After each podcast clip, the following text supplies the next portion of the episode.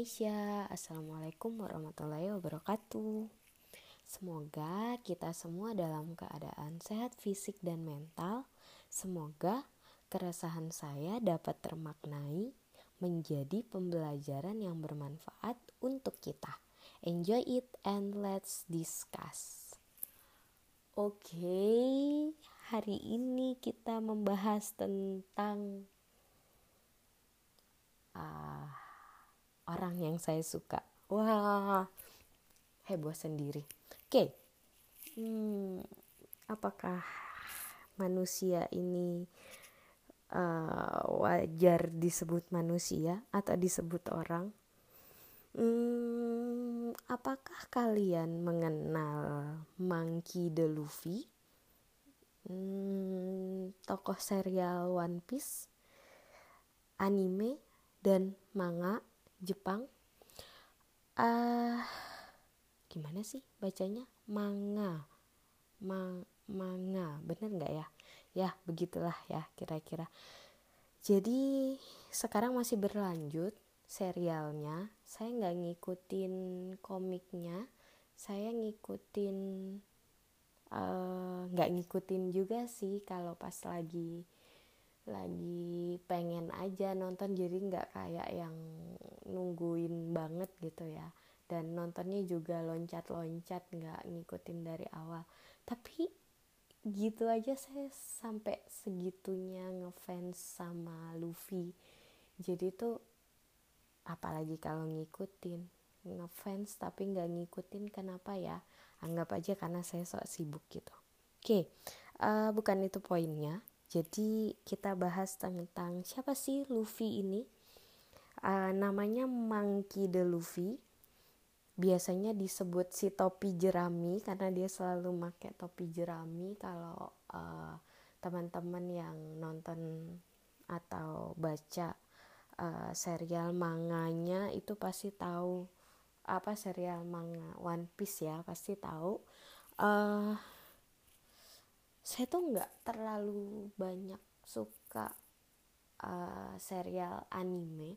Jadi di antara sedikit yang saya tonton itu salah satunya One Piece kemudian Inuyasha kemudian katanya nggak banyak kemudian kemudian. Nggak nggak banyak beneran. Biasanya nonton movie aja gitu. Uh, Inuyasha One Piece Cardcaptor Sakura. Nah uh, Sailor Moon. So Sailor Moon itu waktu masih ini sih apa zaman zaman masih SD SMP gitu ya. Terus detektif Conan terus lah kok banyak jadinya. Oke okay, uh, eh, abaikan yang itu. Saya salah satu yang suka karya-karya uh, apa dari Jepang selain karena apa ya simple sih. Kalau anime itu saya kan kalau ngelihat film itu saya pernah bahas di episode sebelumnya itu ngelihat dari mata mata pemainnya itu mengekspresikan emosi. Nah anime Jepang tuh bisa kayak gitu.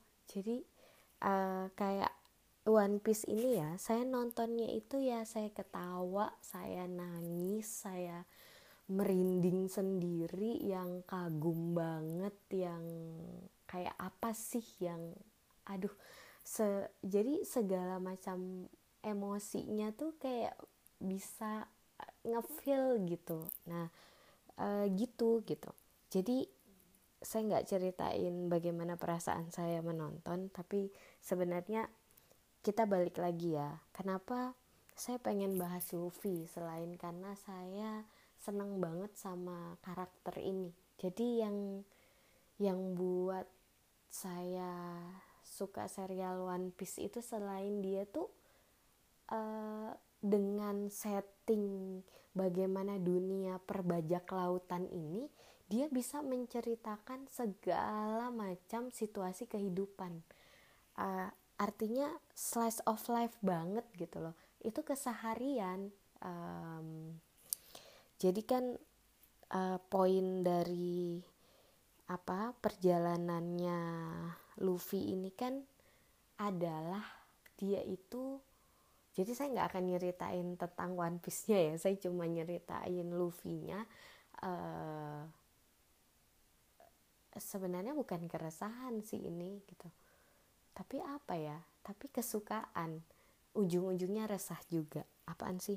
Nah jadi gini uh, si Luffy ini adalah anak muda yang uh, punya harapan. Ini saya ceritain dari awal tokohnya muncul gitu. Uh, dia adalah anak muda yang uh, punya mimpi jauh apa mimpinya agak muluk gitu bagi sebagian orang gak realistis menemukan One Piece yang jadi judul. One Piece ini adalah sebutan untuk harta karun yang uh, apa namanya yang gak tahu entah di mana gitu yang jadi kayak mitos legenda yang ada nggak ya ada nggak ya di dunia perbajak lautan uh, yang itu tuh uh, sesuatu yang katanya kalau ketemu ini uh, filmnya bakal habis. Eh enggak maksudnya kalau ketemu ini itu uh, kamu bakalan jadi raja bajak laut gitu. Nah itu kayak sebuah mitos yang beberapa uh, orang tuh ngerasa ah masa iya sih ada? gitu. Tapi tapi yang sebagian orang termasuk si Luffy ini percaya itu ada dan cita-citanya jadi bajak laut ya karena mau nem, mau mau dapetin itu gitu. Akhirnya singkat cerita dia membentuk kru dengan segala perjalanan hidupnya gitu. Uh, kemudian juga membentuk diri. Jadi si si Luffy ini dari yang uh, sebenarnya dia punya kemampuan ini ya dia kan juga disebut selain topi jerami manusia karet gitu karena dia punya kemampuan yang lentur kayak karet gitu gitu namanya khas anime ya gitu. Jadi uh, apa sebenarnya dari yang dia tuh cuma ya udah asal asal punya mimpi asal jalan katanya ada di situ ya saya ke situ gitu ketemu ketemu teman yang menurut dia oh it's uh, ini cocok gitu. Uh, ya udah jadi kru gitu. Maksudnya bergabung yuk sama aku dan lain sebagainya sampai akhirnya setelah time skip itu yang dia udah jadi cakep banget uh, sebelumnya lucu ya. Tapi setelah setelah time skip itu jadi jadi berotot jadi lebih uh, apa ya sejak bertumbuh gitu. Jadi dia jadi lebih uh, apa siap lah buat menghadapi uh, pergolakan di dunia perbajak lautan itu gitu. Jadi uh, yang dulunya imut saya jadi teringat serial Harry Potter ya. Harry Potter 1 sampai 7 itu pertumbuhannya kerasa banget kan si Daniel Radcliffe.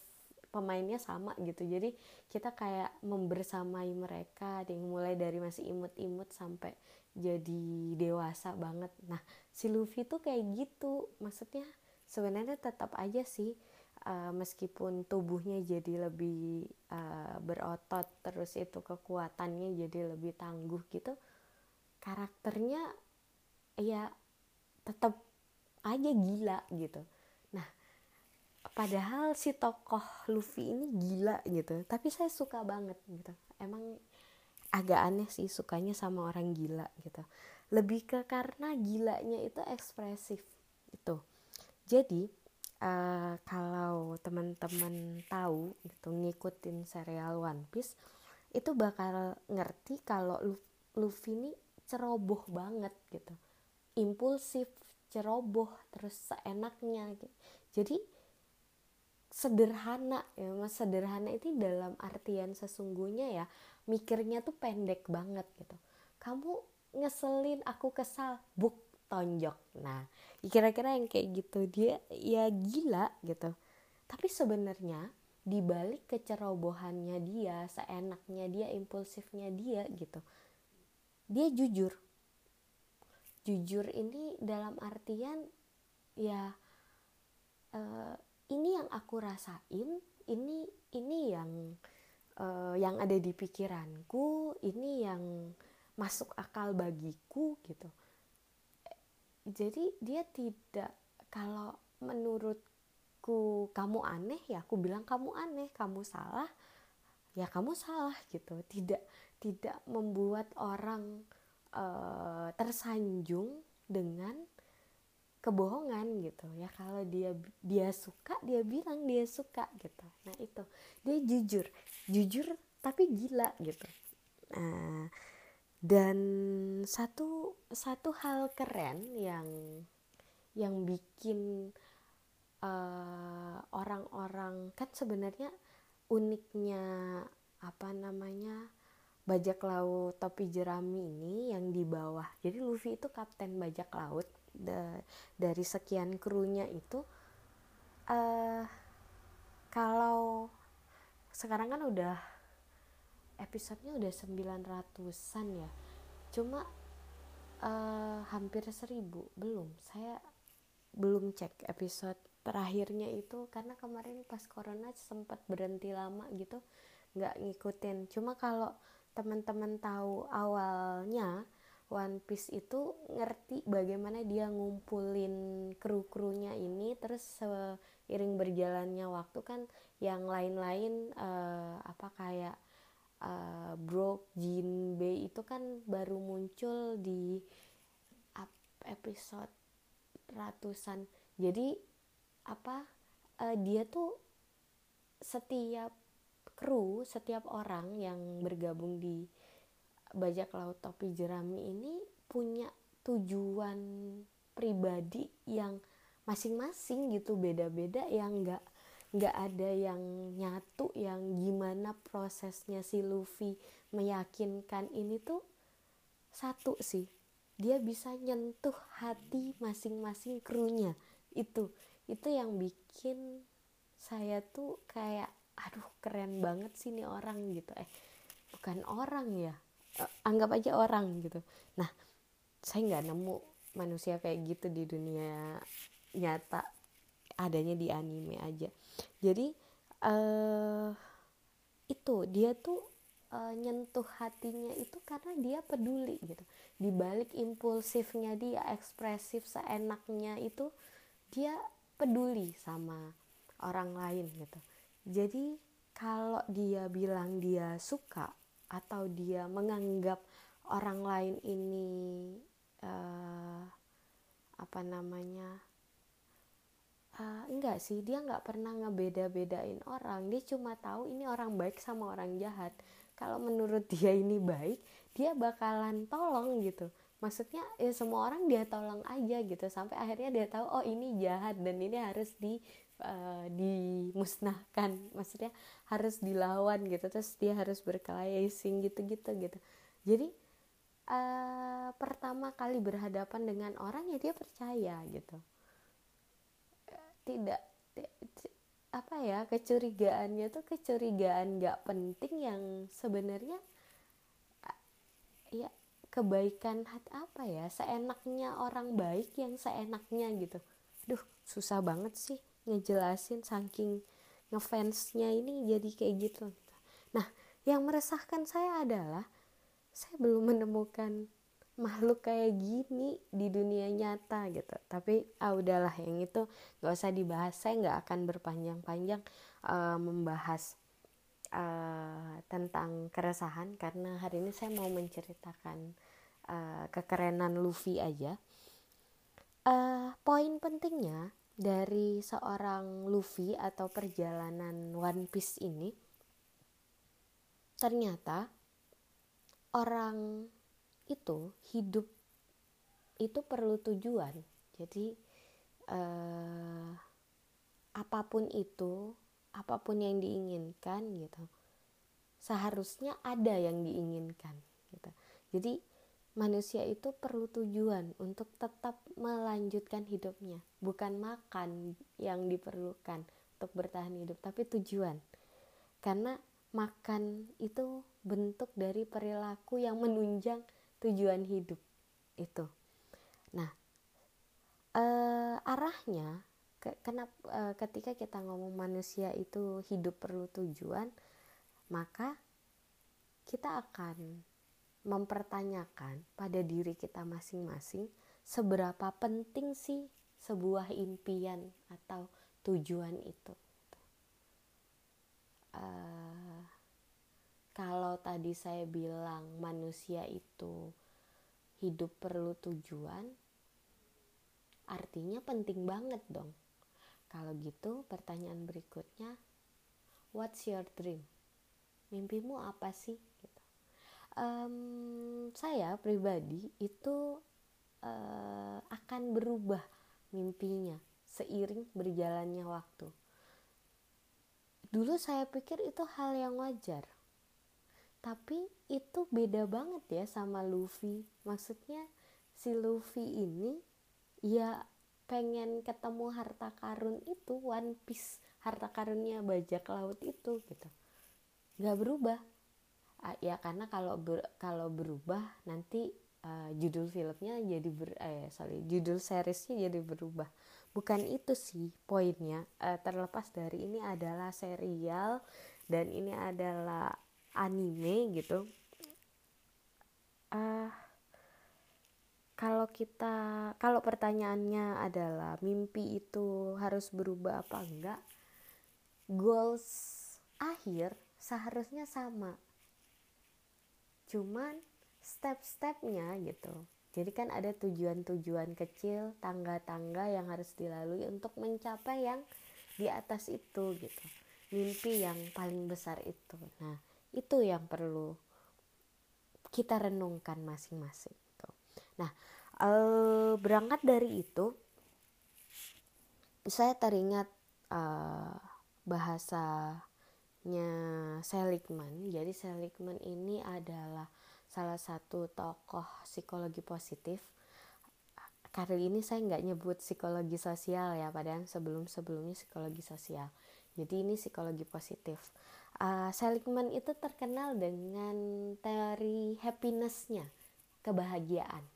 Ya, itu Seligman uh, berkembang seiring berkembangnya penelitian beliau tentang kebahagiaan kemudian uh, beliau mencetuskan satu istilah authentic happiness kebahagiaan yang sesungguhnya. Aduh apaan tuh? Jadi yang sebenar-benarnya bahagia gitu. Apakah ketika seseorang punya tujuan hidup hmm, salah satunya kemudian istilah lainnya si Seligman kan bilang authentic happiness ya. Istilah lainnya itu juga disebutkan dinner. Dinner ini salah satu tokoh psikologi positif juga yang terkenalnya dengan at dinner ini terkenal dengan um, subjective well-being atau uh, kesejahteraan subjektif gitu. Tapi kemudian ternyata kesejahteraan subjektif yang uh, mirip istilahnya dengan mirip ya bukan sama mirip dengan uh, happinessnya versi Seligman tapi kalau di subjective well-being itu ada life satisfaction gitu. Selain happiness ada life satisfaction atau uh, apa kepuasan hidup kayak gitu. Um, ada istilah yang kedua orang ini sebutkan sebagai flourishing jadi flourishing itu kalau arti harfiahnya bertumbuh. E, kata Seligman itu authentic happiness katanya dinner at dinner bilangnya itu kesejahteraan level tertinggi. Itu e, saya nggak bakalan bahas apa bedanya teori Seligman sama dinner sebenarnya ada dua tokoh lagi Case dan Huppert. Itu mereka juga uh, mengembangkan tentang flourishing. Tapi saya hanya akan membahas lima pilar Seligman tentang uh, flourishing. Kok jadi tiba-tiba bahas flourishing ya setelah bahas Luffy? Ya jadi uh, biar nggak bingung seperti biasa saya pasti akan menyebutkan keresahan saya tentang tidak adanya orang seperti Luffy di dunia ini. Kemudian padahal si Luffy ini hidup dengan tujuan gitu. Dia mencontohkan gini loh harusnya manusia hidup gitu. Dengan karakter dia yang plus minus tadi gitu. Nah uh, segala bentuk yang proses hidup yang dijalani Luffy dalam uh, serial One Piece itu tuh uh, menjelaskan bagaimana proses manusia bertumbuh gitu. Yang uh, seharusnya menjadikan dia adalah orang yang flourish uh, orang yang bertumbuh dari uh, apa namanya bisa terjelaskan dari uh, lima pilar seligman yang mau saya jelaskan ini gitu. Jadi uh, kaitannya di situ. Sebenarnya poinnya adalah kalian nyadar nggak sih kalau kalau kalian nonton One Piece ya? Uh, Luffy itu hidupnya bahagia banget gitu. Justru karena kecerobohannya dia uh, kesederhanaannya dia ketika dia salah dia bilang minta maaf ketika dia gak suka dia bilang ketika dia suka dia ngomong gitu.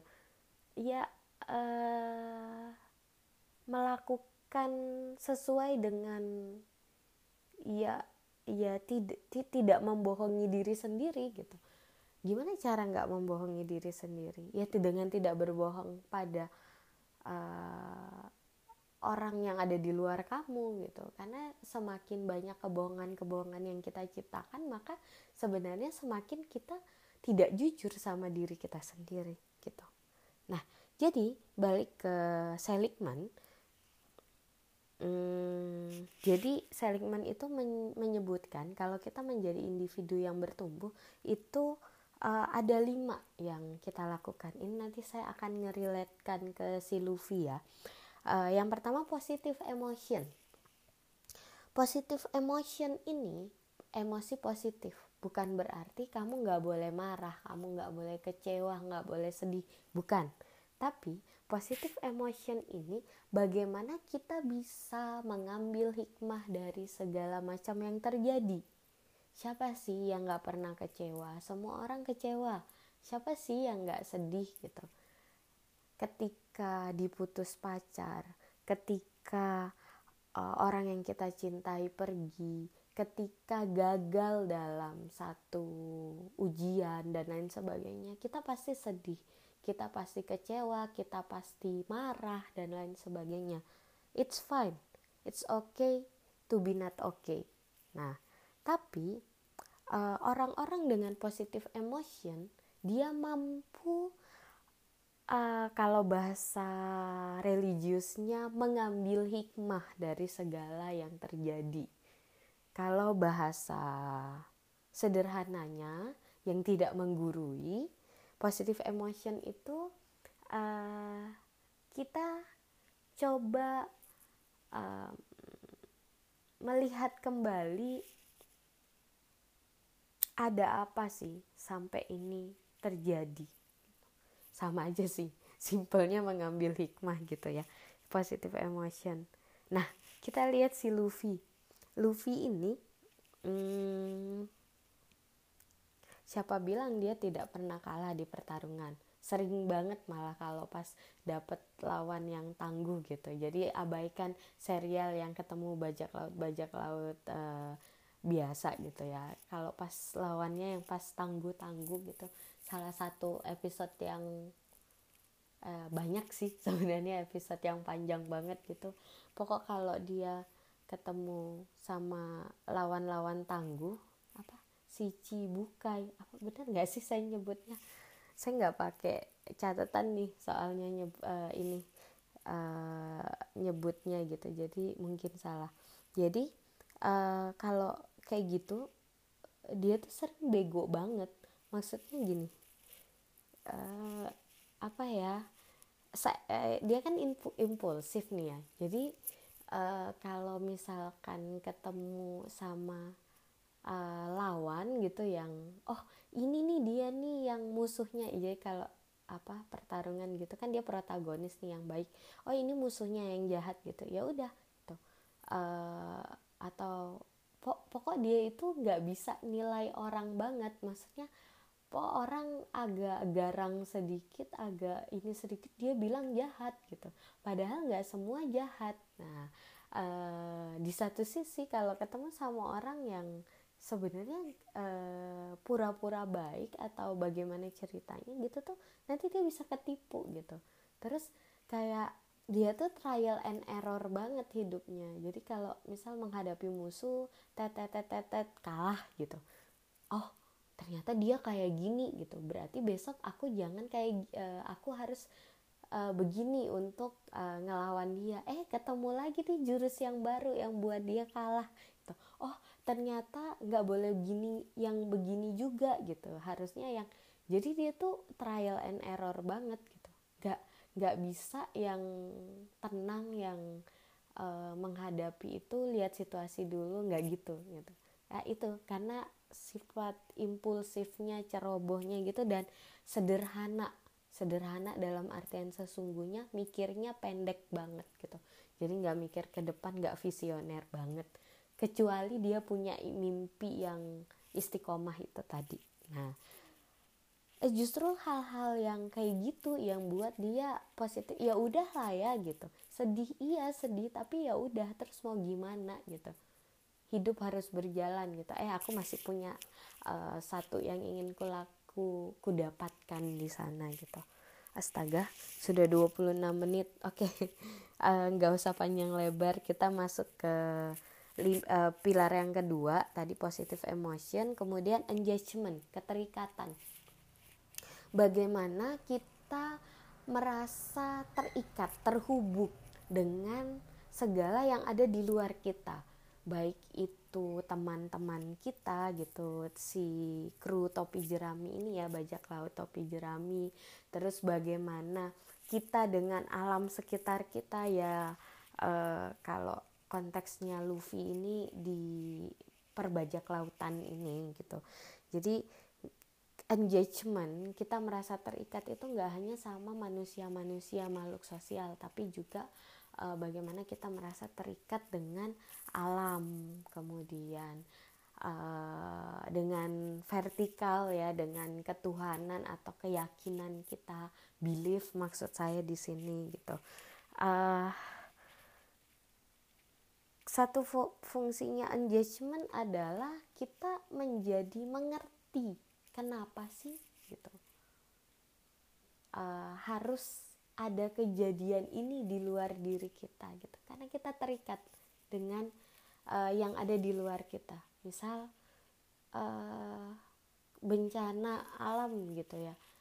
Kita nggak bisa mengendalikan itu tapi kita tahu bahwa uh, apa ya kita bisa mengusahakan untuk itu tidak terjadi. Misal banjir gitu.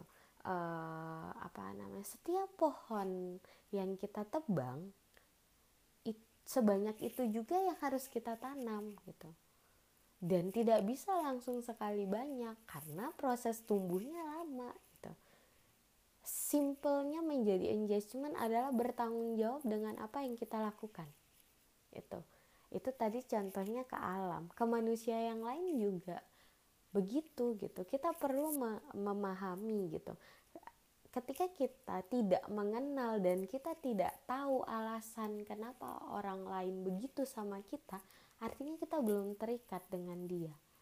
Maksud saya kalau kamu ngerasa mengenal dia seharusnya kamu tahu kenapa dia kayak gitu tanpa dia harus menjelaskan karena keteri, poin dari keterikatan di sini kita mampu melihat hal-hal yang tidak terjelaskan. Karena banyak hal tidak terjelaskan di dunia ini tapi itu jelas. Nah bagaimana ceritanya? Mungkin kita bahas di keresahan yang lain. Itu. Uh, kemudian relationship.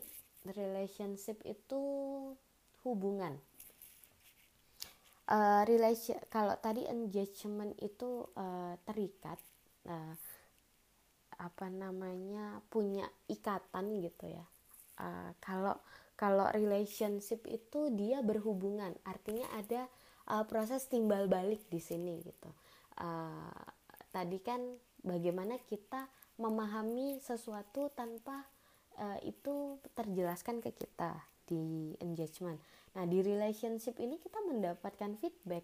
Artinya uh, sejauh apa saya peduli sama orang-orang di sekitar saya sejauh itu pun mereka peduli sama saya gitu. Dan itu yang terjadi di uh, kru topi jerami gitu. Di kelompoknya Luffy semua itu saling gitu. Nah itu relationship. Ada saling di sana gak cuma sama manusia sih sebenarnya sama alam pun begitu. Uh, jadi uh, ada poin timbal balik gitu. Manusia yang bertumbuh gitu dia akan uh, apa ya ada feedback tidak hanya satu arah pasti dua arah gitu. Pada apa pun ya pada alam ya pada Tuhan ya pada manusia gitu sebenarnya kita hidup ya pasti begitu gitu tapi bedanya manusia yang bertumbuh sama yang tidak bertumbuh uh, yang bertumbuh itu menyadari hal itu dan menjadikan itu sebagai resource atau sumber daya. Sedangkan mereka yang belum, saya ralat, nggak bukannya nggak bertumbuh, tapi belum bertumbuh atau tumbuh tapi lambat banget sampai kelihatan kayak nggak nggak bertumbuh gitu.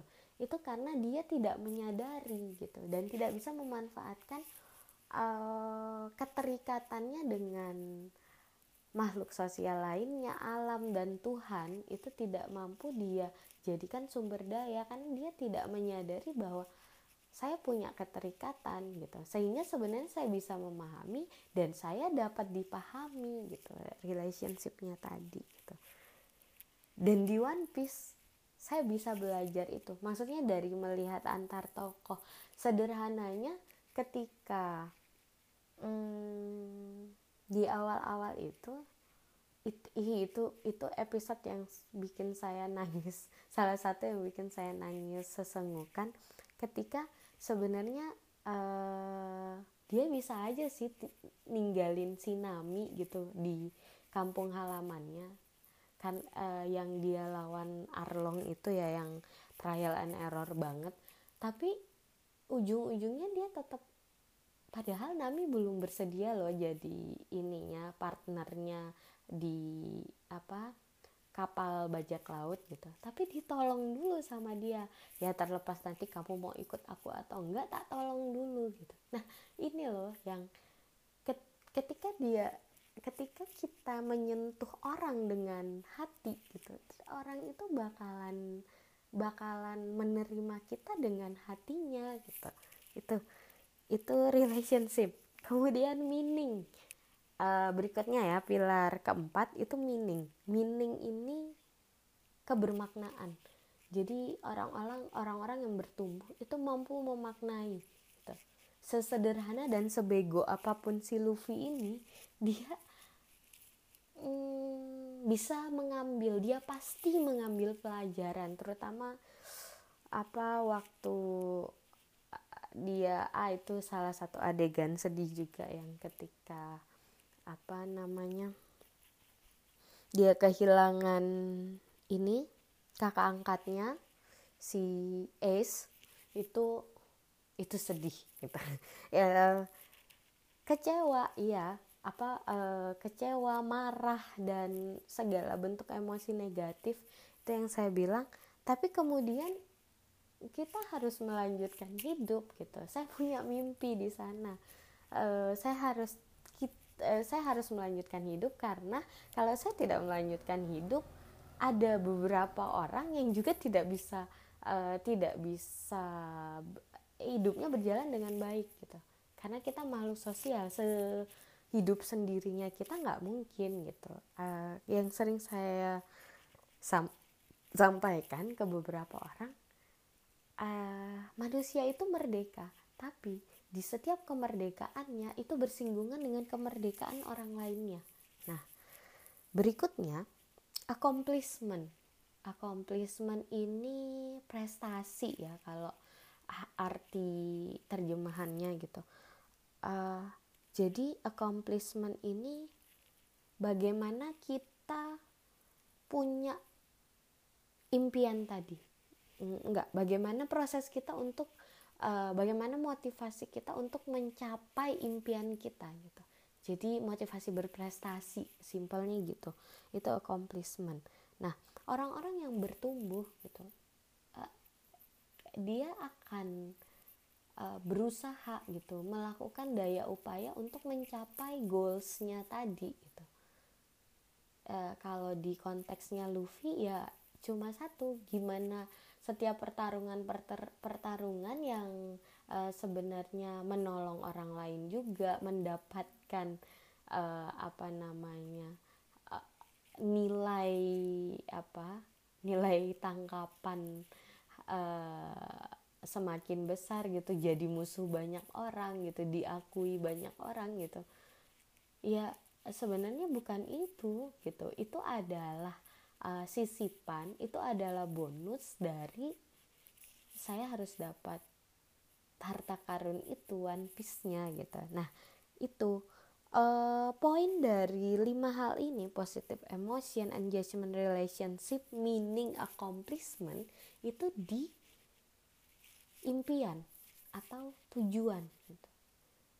Uh, mungkin bagi yang masih nggak yakin atau masih eh, kadang-kadang uh, tuh kita menganggap ini tujuan tapi nanti uh, setelah sekian waktu berubah lagi itu masih belum tujuan itu masih jangka pendek uh, jadi kayaknya kita perlu sekian waktu untuk memaknai uh, merenungkan gitu uh, what's the dream?